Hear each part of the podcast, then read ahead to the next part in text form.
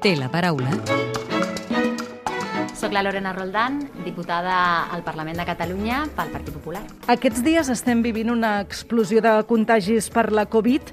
Veu bé les mesures que ha adoptat el govern com el toc de queda per a aquells municipis amb més incidència?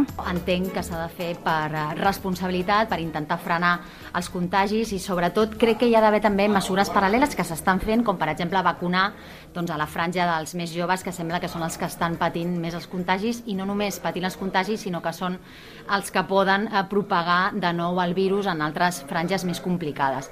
Per tant, aquestes eh, mesures restrictives entenc que són necessàries, però insisteixo que paral·lelament n'hi ha d'haver altres també per intentar frenar aquests contagis. La Conselleria de Salut ha convocat els grups de l'oposició per informar-los de l'evolució de la pandèmia?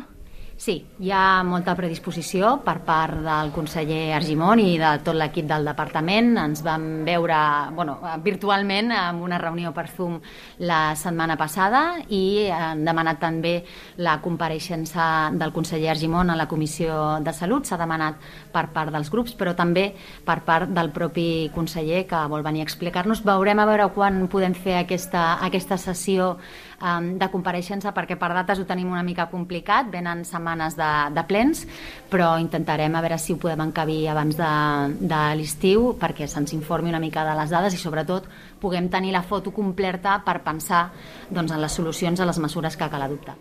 Aquesta setmana la Generalitat ha decidit tirar endavant la candidatura Pirineus-Barcelona per acollir els Jocs Olímpics d'hivern del 2030.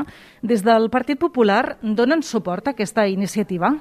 Bé, és una oportunitat per, per Catalunya i nosaltres tot el que sigui doncs, oportunitats per la nostra terra, evidentment, que hi estem d'acord. Aquí hi ha d'haver molta col·laboració eh, en, eh, amb la resta d'Espanya, en aquest cas amb el, amb el govern i també amb altres regions, com per exemple eh, l'Aragó, i veurem a veure què passa i eh, el que no voldríem és que hi haguessin entrebancs polítics que poguessin dificultar, insisteixo, el que nosaltres entenem com una oportunitat. No? Jo crec que tothom recorda els Jocs Olímpics del 92, aquella etapa eh, tan maca eh, a Catalunya i, i tant de bo, tant de bo que poguéssim recuperar l'esperit de la Barcelona Olímpica del 92. Una altra de les qüestions que ha marcat políticament aquesta setmana és el fons aprovat pel govern per cobrir les fiances dels encausats pel Tribunal de Comptes. El seu grup, juntament amb Ciutadans, ha demanat un dictamen al Consell de Garanties Estatutàries. Si aquest òrgan consultiu dictamina que el decret s'ajusta a la legalitat, el PP el recorrerà igualment a la justícia? Sí, nosaltres ja, ja hem avisat eh, de, que nosaltres, de que si el govern eh, continua endavant amb aquesta... És que no sé ni com qualificar-ho perquè em sembla que és una estratègia... bueno, eh, ja veurem com, com, com queda tot, però nosaltres ho portarem davant de la justícia perquè ens sembla un escàndol. Al final ens sembla que això és la malversació de la malversació. És a dir, el que no pot ser és que els catalans haguem d'avalar, haguem de pagar aquestes fiances amb els recursos públics que són de tots perquè unes persones van decidir en el seu dia doncs, agafar uns calés que no eren seus per dedicar-los amb uns interessos personals i vull recordar que és que estem parlant d'una causa oberta per malversació de 5,4 milions d'euros. Això ens sembla una barbaritat. El Consell de Garanties Estatutàries parlarà de la forma, si això es pot fer amb un decret o no. Ah, veurem a veure què és el que diu. Però a més a més hi ha no només un problema de forma, sinó també un problema de fons, que és aquest que estem comentant. I per tant a nosaltres això ens sembla un escàndol. Nosaltres els catalans ja estem farts d'haver de pagar eh, els plats trencats, per dir-ho d'una manera, de les il·legalitats que ha comès en els darrers anys el separatisme i, i escolti, si algú necessita pagar-se una fiança, doncs que se la pagui de la seva butxaca i no de la butxaca de tots els catalans. El líder del PSC al Parlament, Salvador Illa, ha dit aquesta setmana que creu, per les informacions que té, que aquest decret del govern s'ajusta a la legalitat. Com ho valora? Bueno, jo crec que amb aquestes declaracions del senyor Illa, doncs, l'efecte Illa, del que tant es parlava a les eleccions, doncs ja ens ha quedat clar. És al final fer-li el joc al separatisme i no està pensant en les necessitats, en les urgències reals dels catalans. El seu partit, el PP, està als antípodes del govern en la qüestió independentista, però en altres àmbits com el social o l'econòmic, quin tipus d'oposició faran aquesta legislatura?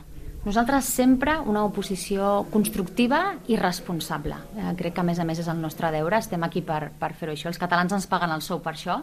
És cert que, doncs, ideològicament, estem eh, molt allunyats de, del govern, però nosaltres el que volem aquí és treballar pels problemes eh, del dia a dia de, dels catalans, a més a més, amb la situació tan complicada que estem vivint arran de la pandèmia, amb aquesta crisi econòmica i crisi social, que, a més a més, crec que només hem vist la punta eh, de l'iceberg, però que la cosa anirà pitjor malauradament, en els propers mesos i, per tant, doncs, ens centrarem en aquelles qüestions eh, més rellevants i de més urgència aquí a Catalunya. Veurem a veure què passa amb, els tema, amb el tema dels pressupostos, perquè si, bueno, si presentessin un, uns pressupostos realistes i que realment anessin a pal·liar les deficiències i les necessitats dels catalans, doncs eh, potser ens ho podríem mirar. El problema és que molt ens temem que seran com els darrers eh, pressupostos que doncs, eh, destinen diners a coses que són superflues, que ara mateix eh, no, no són necessàries i no només això, sinó que tornen a destinar diners, o ens sembla que tornen a destinar diners doncs, per tornar a fer propaganda del separatisme i per tornar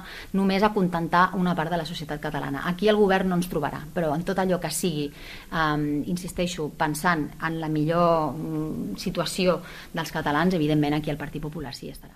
Si li sembla bé, ens endinsem ara en el terreny més personal. Li demano si pot contestar ara amb respostes al màxim de breu possibles. Què fa una advocada com vostè fent política? Doncs uh, la veritat és que mai a la vida uh, havia entrat en els meus plans fer política, però vaig decidir donar aquest pas endavant precisament per la situació que s'estava vivint amb l'independentisme. Jo, a més a més, com funcionària pública que, que era, treballava a la Diputació de Tarragona, havia viscut um, episodis en els que estava molt incòmoda i m'imagino que hi ha molta gent uh, encara dia d'avui, igual que jo, en aquesta situació i em va semblar que, que havia de donar aquest pas endavant i, i, i fer alguna cosa més que el que estava fent.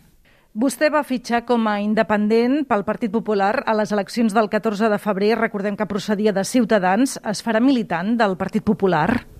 Doncs no ho vaig fer en el seu moment perquè volia veure una mica com anava el tema. La veritat és que jo estic uh, molt còmoda a les files de, del Partit Popular i, i crec que, que és evident. I, i bueno, uh, no ho he pensat encara, però no és un tema que descarti. Quina injustícia social l'enerva més? Totes les injustícies socials. Eh, sobretot el que, el que més m'enerva és veure com es llencen els calés en coses innecessàries quan hi ha tantíssima gent que s'ho està passant molt, molt malament, que fins i tot et diu que no té eh, per comprar menjar, que és una tan bàsic com això. S'identifica amb alguna música concreta? Doncs sóc molt eclèctica. M'agraden, eh, la veritat, que molts, molts gèneres i depèn una mica també de, de l'estat d'ànima en el que em trobi, però sobretot m'agrada molt uh, la música que, o les cançons uh, que puc cantar, o sigui, que música en, en castellà, aquesta m'agrada moltíssim. Sé que li agrada cuinar postres. En té algunes que li surtin especialment bones? Bueno, jo no sé si em surt bona, però com que és la que a mi més m'agrada, el tiramisú, que sóc una autèntica fan i aleshores vaig aprendre la recepta i acostumo a fer-la. Recorda que volia ser de petita? Periodista. Amb quin diputat o diputada que no sigui del seu grup compartiria una sobretaula distesa? Doncs crec que em prendré un cafè amb la Najat, d'Esquerra Republicana. Ara compartim comissió, la Comissió de, de Salut, i crec que podríem intercanviar punts de vista i que seria molt interessant. I ja per acabar, completi la frase següent. El que més m'agradaria del món és... Doncs el que més m'agradaria en aquests moments és que poguéssim superar ja d'una vegada per totes aquesta pandèmia, que no haguem de parlar ni de cinquenes, ni de sisenes onades, ni de variants, ni res, i que tornéssim doncs, a la vida que teníem abans. Lorena Roldán, diputada del Partit Popular al Parlament de Catalunya, gràcies per atendre'ns a l'hemicicle de Catalunya Informació. Un plaer i moltíssimes gràcies.